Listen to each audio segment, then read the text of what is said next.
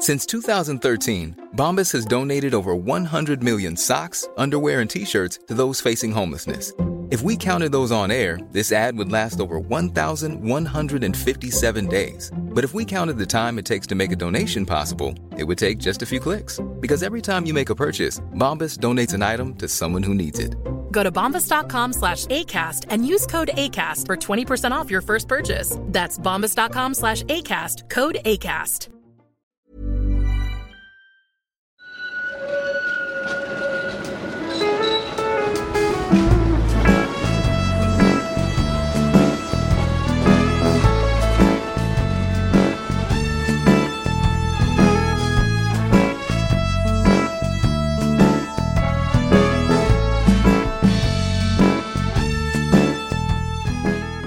Hej och välkomna tillbaka till podden Gator och torg i Göteborg.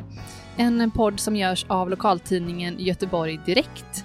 Jag heter Johanna Ros och jag jobbar som reporter på tidningen. Och med mig har jag Mattias Axelsson, Göteborgskännare, historielärare och krönikör på tidningen. Hej Mattias! Hej Johanna!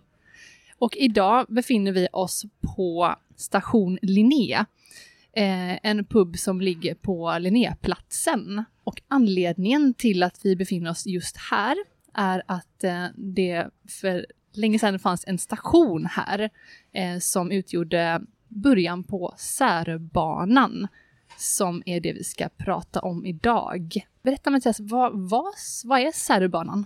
Ja, idag är ju Säröbanan eh, kanske mest känt för att det är en cykelbana som man kan ta hela vägen ner till Särö och sen mm. fortsätta ytterligare en bit efter Särö, hela vägen ner till Helsingborg faktiskt.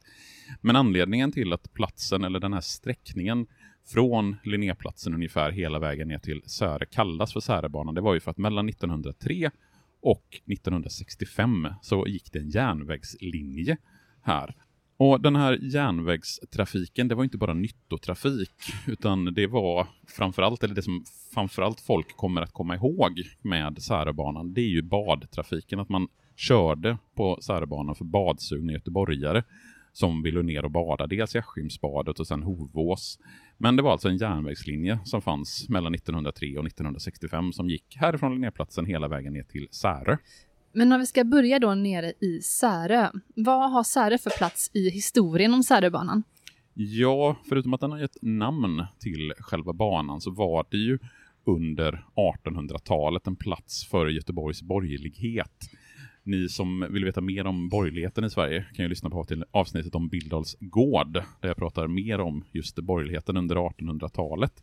Men under 1800-talet så växer det i Särö fram en typ av community av rika göteborgare som bosätter sig nere i Särö. Och här nere så öppnas det olika badinrättningar med badrestaurang och tanken med de här badrestaurangerna det var att man skulle erbjuda rika badgäster salta bad och gyttjebad och kalla bad i varm och kallbadhus. För under 1800-talet så spred sig idéer från bland annat England om att badterapi det var någonting. Det var någonting som man skulle syssla med om man skulle må bra. Det skulle vara kalla bad, det skulle vara varma bad, det skulle vara gyttjebad. Och det var sånt som Säre då erbjöd för den rika borgerligheten i Göteborg. Sen 1898 så köper grosshandlare Hans Ludvig Ygberg Säre. Och han tycker att nu måste vi göra någonting åt trafiken från Göteborg ner till Särö. För ska man ta sig från Göteborg hela vägen ner till Särö under 1800-talet så får man antingen göra det med häst och vagn och det är dåliga vägar och det tar lång tid att ta sig, ta sig ner till Särö. Eller så åker man med ångbåt. För härifrån Göteborg så gick ångbåten Tessin ner till, eh, ner till Särö. Och anledningen till att jag kommer ihåg just Tessin det är för att den byggdes på Lindholmen, på Lindholmsvarvet. Och där jobbar ju jag på Bräckegymnasiet och den byggnad där jag har mitt arbetsrum är faktiskt uppkallat just efter den här båten. Den heter Tessin. Mm. Så, och många av byggnaderna ute i Chalmersområdet och Lindholmsområdet har fått namn efter gamla skepp som är tillverkade på Lindholmsvarvet. Och om man inte hade råd med att köra häst och vagn eller att ta ångbåten så kunde man faktiskt även promenera den här sträckan mellan Särö och Göteborg. Och det gjorde till exempel bönder ibland när de skulle in till Göteborg för att handla på torghandel och liknande. Men det tar ju väldigt, väldigt lång tid och det är ju krångligt att ta sig från Göteborg till Särö under 1800-talet. Så då börjar man någonstans fundera på det här med järnvägar. Kan det vara en idé? Kan det vara någonting för att binda ihop Särö med Göteborg? Eh, Men var det inte så att eh, de första järnvägarna kom till Sverige just under 1800-talet? Jo, det är helt riktigt. Eh, järnvägen blir ju någonting som revolutionerar svensk transport och som någonstans lägger grunden för den svenska industrialiseringen under 1800-talet. Och den första järnvägen den invigs redan 1856 och det är en liten kort sträcka mellan Örebro och Erevall som sedan dras vidare till Arboga.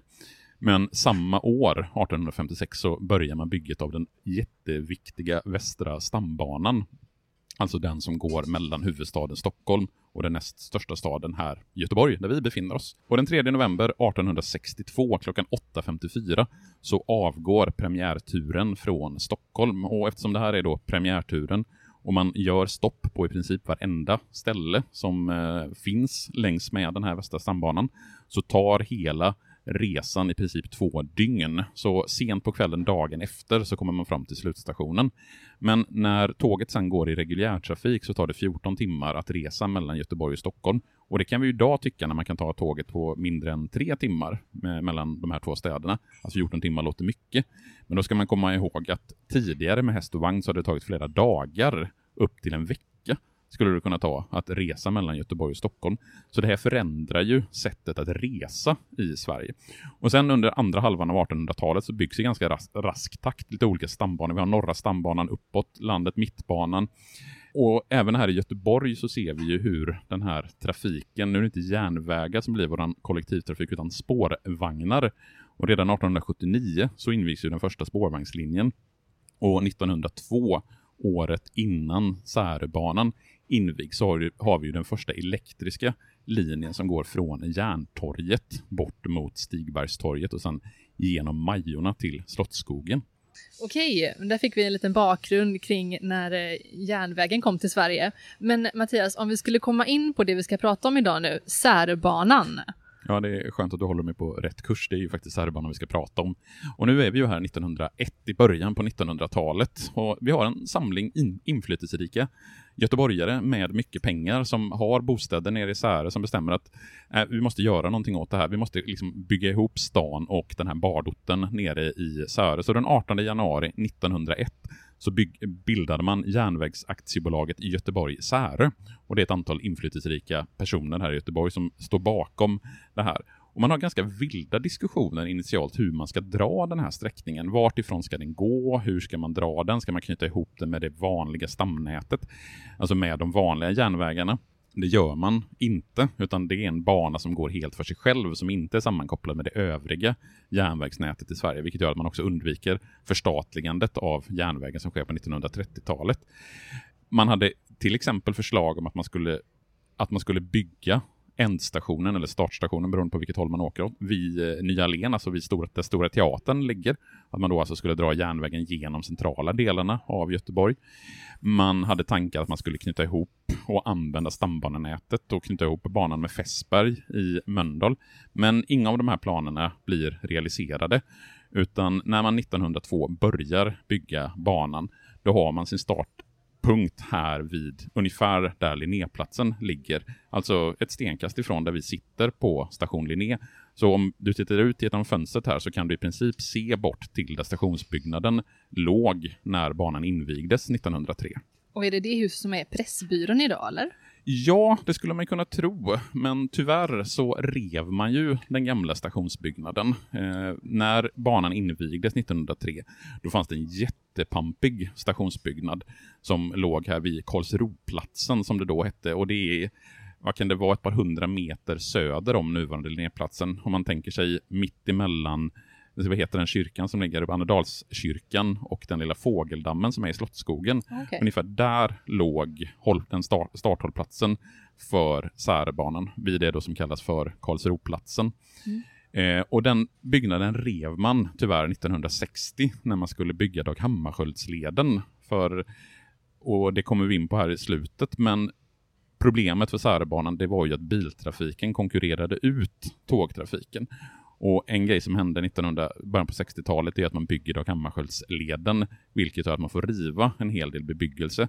Och då bygg, river man bland annat det här gamla fina stationshuset och bygger istället det här lilla stationshuset som då uppförs 1961, som idag är press, nej, det är inte Pressbyrå va? Det är någon annan typ av eh, sån liten snabb, snabbköp eller liknande. Och så finns det en liten resebyrå och liknande. Det är den som ligger i alla fall här vid Linné. Det kan vara en Pressbyrå, jag är lite osäker på det. Jag vågar Okej. inte ta gift på det. Nej, jag ser inte härifrån heller. Men hur gick det då till när själva Säröbanan byggdes? Ja, det som är ganska fascinerande är ju att det här går väldigt, väldigt fort. Man drar igång 1902 och sen redan 1903 så är ju banan klar. Och det är ju ett par danska ingenjörer som ritar hur den här banan ska dras och hur den ska byggas. Och sen är det rallare som kommer och rallare som vet hur man lägger slipers och hur man bygger den här drygt två mil långa banan. Och just om de här rallarna finns det ju en hel del historier. Och jag vågar kanske inte ta gift på att alla historier är sanna, men en del av dem är för bra för att inte berättas i podden. Och jag har hämtat dem ifrån, ja, det är nog Askims hembygdsförenings årsskrifter som de här historierna finns. Så någon har i alla fall nedtecknat om hur rallare som bodde vid eh, den gamla Säravägen i Hovås ibland på söndagarna kunde visa röven i fönstret för det fina folket som var på väg till kyrkan. Och sen så finns det också berättelser om hur rallare träffade lokala flickor och blev kvar. Bland annat finns det en Valfrid Svensson som blev en skicklig stenarbetare. Han var rallare som var med och byggde Särebanan, men han gifte sig med en lokal tös och stannade kvar och blev sen upphovsperson till både en och två vackra murar i Hovås och Brottkärr. Och sen den 13 juli 1903, då är banan öppen för trafik. Men då har man inte dragit den hela vägen fram till Särö, utan det är några stationer kvar, utan den stannar vid Släp, som är typ två eller tre stationer innan Särö. För man måste göra en del banarbete eh, på den sista sträckningen. Så sommaren 1903, då öppnar banan för trafik. Då går de första tågen härifrån Linnéplatsen nästan hela vägen ner till Särö. Och nu då när Säröbanan är invigd, eh, hur var det då att resa med tåget från Linnéplatsen ner till Särö? Ja, vi kan ju tänka oss att vi går på tåget här vid Karlsroplatsen eller vid Linnéplatsen och reser söderut genom Göteborg och Frölunda och Askim och Hovås och Brottkärr och så vidare. Och då tänker jag utifrån de bilder man har sett på tåget, så i början på 1900-talet så var det nog ganska en lyxig känsla att kliva på de här tågen. I alla fall om man gick på i första klassvagnarna, för där fanns det läderfåtöljer och det var spegelglas i dörrarna och det var mahognypaneler. Men det var ju absolut långt ifrån alla som hade råd att åka i de här första klassvagnarna. Och det finns historier om att de som reste första klass, de behövde inte ha med sig biljett. För det fanns någon idé om att konduktörerna skulle lära känna de som var första, klass, första klass passagerare. Att de hade betalt för sig. Medan då i tredjeklassvagnar så var det betydligt stramare stil. Och sen genom åren så blev ju Särbanans lok och tågvagnar eh, slitna och åldrade. Men jag tänker att under de första åren så var det nog en ganska lyxig känsla att tuffa ner. För då, om vi tänker oss att vi börjar resan då nedanför Annedalskyrkan så blir ju den första delen som vi passerar på höger sida Slottsskogen. Och Slottsskogen kan man ju bara nämna kort, att den har ju fått sitt namn efter Älvsborgs slott. För det var ju en del av Älvsborgs slotts utmarker och sen så blir det en park under andra halvan av 1800-talet då Majorna införlivas i Göteborg och blir en del av Göteborg. Men när vi sen passerar Slottsskogen så har vi ju på höger sida, vilket de som åker spårvagn från Linnéplatsen till Marklandsgatan ser. Där står, har ju spårvagnarna, Göteborgs spårvägar en sån vad heter det, spårvagnshall. Mm, och här ungefär låg Slottsskogens rangerbangård. Det var ingen hållplats någonsin. Men eh, tågen kunde stanna här och man kunde köra in tågen och sen så när det övergick till rälsbuss på 1950-talet så hade man det här som ett rälsbussgarage. Men numera används ju det av Göteborgs spårvägar eller Västtrafik som det väl numera heter. Där parkerar man spårvagnar när de, ute, när de inte är ute och kör. Men den första hållplatsen som vi skulle stannat vid om vi hade åkt med det här tåget ner på Särebanan, det är vid Frölundaborg. Och det är vi ungefär vid Marklandsgatan. Eh, Och Frölundaborg kanske vi idag tänker mest om den ishockeyarenan som ligger vid Slottsskogsvallen ungefär. Och Frölundaborg är ett villaområde som eh, växer fram under slutet av 1800-, början på 1900-talet i eh, stadens utkanter eller i norra delen av Frölunda. För Frölunda är ju inte en del av Göteborg än. Det pratade du och jag om i avsnittet Mm. om Frölunda torg när Säröbanan invigs 1903 så är inte det här en station ännu, utan då hade vi tuffat vidare förbi. Men opinionen i det här villaområdet är så starkt, så som det gärna kan bli i just villaområden. Så fem år efter banans invigning 1908 så bygger man även en station här. Och det beror framförallt på att de boende i Frölundaborg vill ha en bra kommunikation in till stan, alltså att de vill kunna ta sig in till Göteborg på ett smidigt sätt. Men de kan ju även hoppa på banan och ta sig ner till Särö eller till Askimsbadet eller vad det nu är man vill stanna på banan. Okej, och sen så lämnar vi Göteborg och åker vidare till Frölunda som eh, på den tiden var en egen kommun. Eh, var hamnar vi sen? Ja, nu kan vi ju faktiskt följa den exakta sträckningen av Säröbanan. Det har vi inte riktigt kunnat göra, för man är inte helt hundra på exakt var spåren gick från Linnéplatsen ner till Marklandsgatan. Man kan ju ha ganska tydlig bild av det. Men när vi kommer in i Frölunda-delen, alltså vid Högsbo-Marklandsgatan, då är det ju det som idag är en cykelbana. För när man cyklar från Marklandsgatan ner till järnbrottsmotet längs med Dag Hammarskjöldsleden, då cyklar man ju exakt precis på den gamla banvallen. Och när vi fortsätter ner längs med cykelbanan så passerar vi två gamla stationer. Dels så låg det en station där vid Tunnlandsgatan där det ligger en premmack ungefär. Och sen om man har ögonen med sig när man cyklar så kan man faktiskt på höger sida, om man cyklar söderut, se två vad kan det vara, betongfundament eller stenfundament som är rester ifrån den gamla stationsdelen, den gamla perrongen. Och då är vi några hundra meter norr om radiomotet.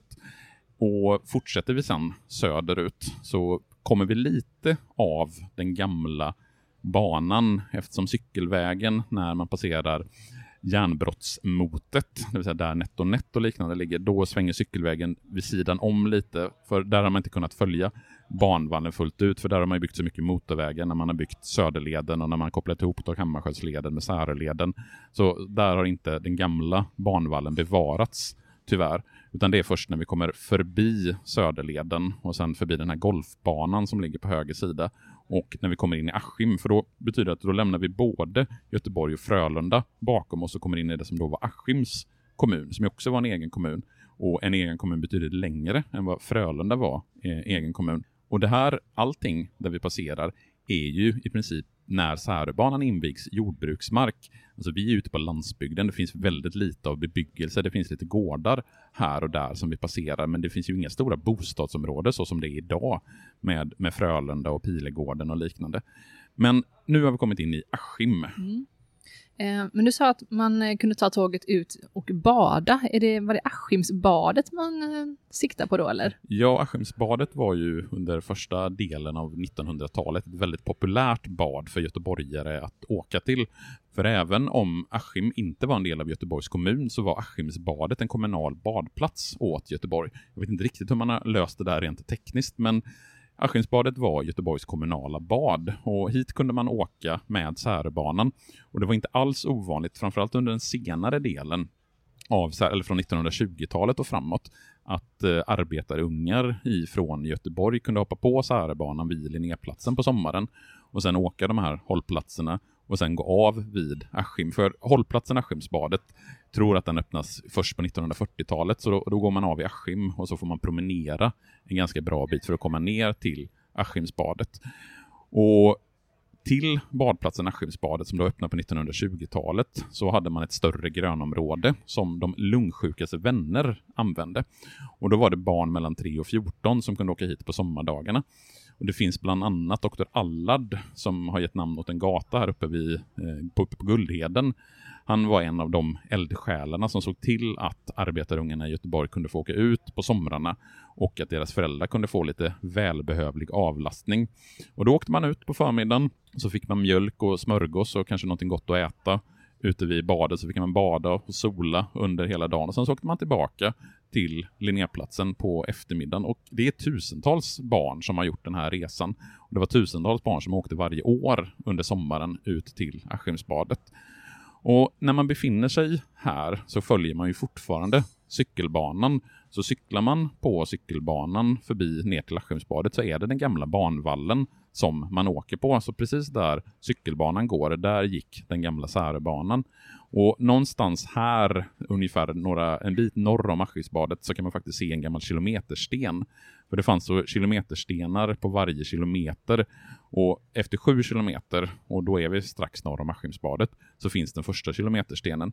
Och sen finns det ytterligare ett, ett gäng kilometerstenar längs med Särebanan. Så cyklar man på Särebanan så kan man dels hålla utkik efter de här resterna från perrongen vid järnbrottsmotet. Men så kan man också på 7, 8, 9, 10, 12 och ytterligare några kilometer tillfällen kolla på de här kilometerstenarna. Eh, Okej, okay. och sen efter Askimsbadet så tror jag att cykelvägen svänger ner mot, eh, ut mot havet, ut mot Hovås va? Ja, det stämmer. För här tar ju banvallen en liten sväng ner mot Hovås. Och här kan man också se en del av den gamla plattformen. Och hållplatsen Hovås, den kom ju till, precis som Frölundaborg, så kom den till för att betjäna Hovås villasamhälle. Och under sommarna så var det flera avgångar som hade slutstation Hovås. Och eftersom det inte fanns något vändspår vid Hovås så fick tåget backa en ganska bra bit från. Alltså den körde fram till Hovås, hade det som slutstation och sen backade den tillbaka mm. en bra bit. Och Hovåsbadet, det var inte ett kommunalt bad. Och eftersom då Askimsbadet var ett av Göteborgs kommunala bad så ville Askimsborna hellre bada på Hovåsbadet. Det var en privat markägare som tog betalt för att man skulle få bada på Hovåsbadet. Men Göteborgs stad exproprierade helt enkelt området och gjorde båtplats, eller badplatsen kommunal och byggde även en båtplats, eller en småbåtshamn vid Hovås. Och ganska nära här så fanns det till inte för länge sedan en liten bro över cykelbanan som då vi även gick över Särbanan. Och det var en herre som bodde på, vad blir det då, vänster sida om Särbanan när man kommer norrifrån. Som helt enkelt byggde en privat bro för han tyckte det var för krångligt att ta sig till golfbanan. Mm. Att gå runt. Så att han eh, slog, gjorde slag i saken och byggde sig en bro över Särbanan. Så hade han lite snabbare att ta sig till golfbanan. Och det är väl, det är ju entreprenöriellt att göra det. för nu kommer vi ju ner till de absolut finaste delarna av Göteborg. Järkholmen kallas ju den lilla udden som sticker ut när man kommer cyklandes eh, söderut på höger sida så ser man ju då Järkholmen. Och jag vet att det här området, det är ju liksom gräddhyllan i Göteborg. Jag vet att det kallas för Guldkusten i något reportage som jag tror det var GT som mm. gjorde det. Och det här var ju från början ett av de mest avskilda delarna av Särbanan. För hit kunde man inte ta sig på något annat sätt än med just tåget. Det gick inga vägar, inga bilvägar. Och när det blev glesare trafik till Järkholmen eller på Särebanan i slutet av perioden, och framförallt när man sedan la ner Särebanan 1965, då var det ganska krångligt för de som hade sina hus på Järkholmen att ta sig dit, för det fanns inga vettiga vägar. Och det är ganska sent som man liksom löser den trafiksituationen så att det, går, att det är möjligt. Och när det inte gick några tåg för att det var till exempel ett alldeles för få avgångar eller det var eh, omöjligt, då gick folk som bodde vid Järkholmen, de gick på spåret för att ta sig hem. De eh, promenerade kanske till Hovås och sen så gick de på spåret, för det var det enda sättet att ta sig ut till Järkholmen. Men idag så är det ju kanske mest känt för att här bor ju liksom gräddan av Göteborgs finanselit. Stena Olsson, eh, skeppsredaren, har haft hus här. Volvo-direktörer, krögare, riskkapitalister som Roger Akelius har bott där eller bor här eh, kanske fortfarande. Och de villorna som säljs vid Järkommen, de kan ju gå för 30-40 miljoner. Och det är ju riktigt fräcka kåkar. Så cyklar man eller promenerar på särbanan och kommer till Järkommen, då ska man faktiskt titta på de här husen, för de är imponerande. Det är liksom stora, flashiga villor. Men så var det ju inte när särbanan gick här. Då var det ju betydligt mer modest. Även om det kan vara rika personer som bodde här, så var det inte alls villor och kåkar i den här klassen. Okej, och hur fortsätter vi sen då efter Hovås? Ja, nu har vi kommit en mil ungefär från starten, alltså härifrån eh, Linnéplatsen. Och vi har ju ett antal hållplatser kvar, men jag tänker att vi ska inte stanna till jättelänge vid de enskilda hållplatserna, men vi kan ju nämna några. Vi är ju efter Hovås så kommer ju Brottkärr och sen kommer ju Amundöarna med Lilla Amundön och eh, Stora Amundön.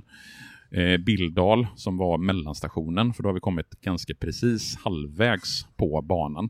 Och hela banan den är ju drygt två mil, så nu har vi kommit ungefär ja, kan det vara 1,2-1,3 mil ifrån starten när vi kommer till Bildal. Och här fanns det också ett stort och pampigt stationshus. För det ska man komma ihåg att alla de här stationerna som vi har passerat, det är inte sådana stationshus som det fanns här vid Linnéplatsen, utan många av stationerna, det var bara en liten väntkur eh, som var mer som ett skjul än vad det var ett pampigt hus. Men de stora stationerna, de hade också pampiga stationshus. Och Bildal, det var en sån station men tyvärr så brann det här stationshuset ner 1982, så det finns inte bevarat. Det är ganska få av stationshusen som är bevarade. Ett av dem är ju det sista, när vi kommer ner till Särö. Då finns ju stationshuset bevarat och det är ju nu idag en restaurang. Och efter Bildal så svänger, där tappar vi lite grann kontakten med havet. För där svänger banan in, alltså svänger åt vänster när vi kommer norrifrån, svänger in i landet. Och Det beror på att här blir det en stigning, vilket gör att hade man dragit tågbanan rakt fram så hade tåget förmodligen inte klarat av att ta sig upp för den här mm. stigningen. Så därför så svänger tågbanan och även då cykelbanan in vänster och gör som en U-sväng innan den sedan knyter an till havet igen därefter. Och även om man svänger runt så kommer vi till banans högsta punkt, eh, nämligen vid Heden. Och då är inte Heden här inne i Göteborg, utan det, var en, det är en station mm. nere i eh, Särö som kallas för Heden. Och då är vi 26 meter över havet. Och här, när vi passerar Heden och kommer till Sandlyckan och Kullavik, då lämnar vi ju faktiskt också Göteborg. Och då lämnar vi ju också Västergötland. För då är vi helt plötsligt nere i Halland Eftersom den här banan, Säröbanan, den sträcker ju sig, i och med att den sträcker sig från Linnéplatsen hela vägen ner till Särö, så passerar den ju två landskap. Den går genom Västergötland och den går ner i Halland. Så då kanske vi är lite utanför vårt område egentligen, eftersom podden heter Gator och torg i Göteborg. Men som det är Säröbanan vi pratar om så tänker vi, vi behöver ändå ta Säröbanan i mål. Och vi passerar ett par stationer, Kullavik, Malevik, Bud Budskär och sen kommer vi till slutstationen Släp, alltså slutstationen när banan invigdes 1903. Och 1953 så bytte den här stationen namn till Särö eftersom eh, Särö, alltså den sista hållplatsen, skulle inte längre vara poststation, utan posten till de som bodde här nere skulle lämnas vid släp och för att man inte skulle blanda ihop, för att det skulle bli enklare för brevbärarna, så döpte man om hållplatsen släp till Särö och den sista stationen fick heta Särö och sen så någon, något eh, påhäng på Särö. Så ibland när man ser att eh, den här hållplatsen heter Särö så är det inte för 1953 som man byter namn. Och nu är vi snart framme vid vår slutstation. Vi ska bara passera Munkekullen först. Och det här kommer jag lägga upp en bild på poddens Instagramkonto, för just den här vänthallen, eller väntkuren, är väldigt spännande. Den är intressant i arkitektur. Det är någon form av kupol på, på toppen, liksom någon sån här lökkupol som man i andra fall mest ser i Ryssland eller vid Moskva. Men eh, en sån typ av lökkupol var det på det här vänthuset i Munkekullen. Men efter Munkekullen, då kommer vi fram till vår slutstation. Då är vi framme i Särö. Och den här stationen blev då klar ett år efter att banan invigdes 1904 kunde man ta tåget hela vägen fram till Särö. Och det här var ett rejält stationshus och åker man ner till Särö så ska man absolut passa på att titta på det här stationshuset. För det var bostad för eh, den som var stins i, eh, på Särö station. Och det fanns också övernattningsmöjligheter för tågpersonalen, till exempel lokförare, eldare och konduktörer. Eftersom när de kom ner till Särö, kanske sista körningen, så fanns det ingen annan möjlighet för dem att ta sig hem, utan de var ju de tvungna att övernatta i det här stationshuset. Så det fanns möjlighet att övernatta där. Eh, det fanns en ångbåtsbrygga när man kom ner till Särö och här kunde man också då göra promenader eh, söderut. Och Särö beskrevs vid den här tiden som västkustens pärla. Och det var en plats som verkligen lockade. Och för 10 kronor så kunde man få resa tur och retur med Särbanan från Linnéplatsen. Man kunde få ett bad på Särö kallbadhus, man kunde få middag, man kunde få supé på restaurangen, man kunde få sova över, så kunde man få en tidig frukost innan man nästa dag åkte hem igen. Så det var en sån här paketresa som man kunde göra hela vägen från Linnéplatsen ner till Särö. Få mat och övernattning. Och i det gamla stationshuset i Särö så ligger det ett värdshus som heter Blomstermåla. Och enligt legenden, i alla fall enligt dem själva, så kommer namnet Blomstermåla av att någon gång under banans tid så var det någon som målade ett av de tågen som stod över natten. För man, när man körde den sista körningen så fick ju tåget stå kvar vid Särö station längst ner. Och sen så dagen efter så kör man vidare. Och under natten så var det någon som hade målat tåget med blommor. Så därav kommer namnet Blomstermåla på det här värdshuset nere på Särö station. Eller gamla Särö station. Okej, då har vi åkt hela banan. Ehm, men hur kommer det sig att eh, den läggs ner 1965? Ja, det var ju som jag var inne på lite tidigare att eh, biltrafiken började komma i Sverige i mitten på 1900-talet. Svenskar fick ju det generellt bättre under rekordåren efter andra världskriget och fler och fler familjer hade råd med att köpa en bil. Och åker man bil från Göteborg ner till Särö så gör man ju det betydligt smidigare, snabbare och enklare än att man åker med tåget. Tåget var ju i början på 1900-talet något av det lyxigaste man kunde åka med. Men när bilen introducerades i Sverige på 50 och 60-talet, då blir det ju bilen som man istället väljer att resa med. Och 1956 redan så tar man bort tågen. Då blir det istället rälsbussar som kör ifrån Göteborg ner till Särö. Men 1965, och tittar man på hur många det är som reser med så ser man att under 40-talet så tror jag det har sin topp och då kan det vara närmare en miljon människor som reser med Säröbanan varje år. Sen under 1960-talet så går ju resandet ner dramatiskt i och med att fler och fler får en bil och Dag Hammarskjöldsleden invigs under 1960-talet vilket gör att du snabbare kan ta dig ner och sen kan du åka Säröleden 158 hela vägen ner till Särö. Så det är helt enkelt biltrafiken som konkurrerar ut och på nyårsafton 1965 så körs den sista turen och efter det så har det inte åkt några tåg mellan Göteborg och Särö någonting mer. Och ganska snabbt efter att banan är nedlagd 1965 så börjar man plocka bort eh, rälsen och så är det bara banvallen kvar. Eh, och vad hände med banan sen när det inte fanns någon räls och något tåg? Ja, då är det ju bara banvallen som är kvar. Och tittar man på gamla fotografier från till exempel 70-talet så är det ju oftast cykelbana på delar av Sär, gamla Särbanan, men den är ju inte asfalterad ännu. Det kan vara så att bitar av Särbanan asfalteras tidigare och andra senare. Men stora delar av Särbanan är ju grusväg och att man cyklar på grusväg. Men sedan en tid tillbaka så går det ju att cykla hela vägen från Linnéplatsen ner till Särö på en väldigt, väldigt fin cykelväg. Hela vägen är ju idag asfalterad. Och jag vet att det numera är så mycket cykeltrafik på den här banan att boende runt omkring Säröbanan har klagat på att det är för mycket cyklister och att det finns risk för olyckor och liknande. Och sen ett par år tillbaka, jag tror att det är 2015, så finns det möjlighet att cykla hela vägen från Göteborg ner till Helsingborg på det som då kallas för Kattegattsleden. Och Kattegattsleden det är ju en cykelväg från Göteborg ner till Helsingborg där man under stora delar av cykelturen cyklar längs med havet. Och den norra delen av Kattegattsleden det är ju den gamla Särbanan.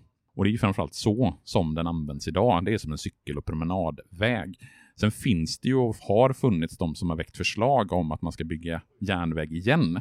Att det skulle vara önskvärt för de boende där nere. Att för att trafiken på 158, nu åker ju inte jag själv bil, men man har ju hört att trafiken på 158 eh, kan vara ganska packad. Och att tågtrafik på den gamla Säröbanan skulle kunna vara ett komplement. Jag tror inte att det tyvärr är speciellt realistiskt att tänka sig att det ska bli en ny Säröbana. Men eh, vi får Vem väl se. Vi får väl se. Ja, då har vi rest hela vägen från Linnéplatsen till Särö och tillbaka igen. Eh, om du vill veta lite mer om Säröbanan och dess historia så finns det en artikel i eh, tidningen. Och vill du ha bilder från Säröbanan så tycker jag att du ska gå in och titta på poddens Instagram-konto som är Gator och torg i Göteborg. Där kommer vi lägga upp lite gamla fotografier från flydda tider. Mm, spännande. Ni har lyssnat på podden Gator och torg i Göteborg. Jag heter Johanna Ros. Jag heter Mattias Axelsson. Tack för att ni har lyssnat. Tack så mycket. Hej då! Hej då.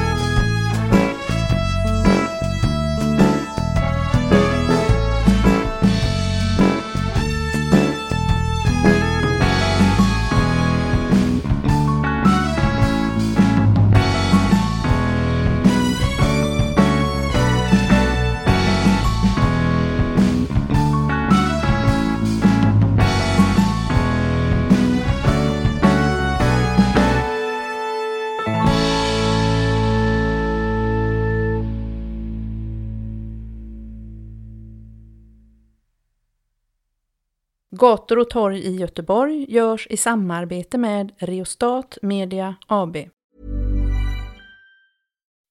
When you make decisions for your company, you look for the no-brainers. If you have a lot of mailing to do, stamps.com is the ultimate no-brainer. Use the stamps.com mobile app to mail everything you need to keep your business running with up to 89% off USPS and UPS. Make the same no-brainer decision as over 1 million other businesses with stamps.com. Use code program for a special offer. That's stamps.com, code program.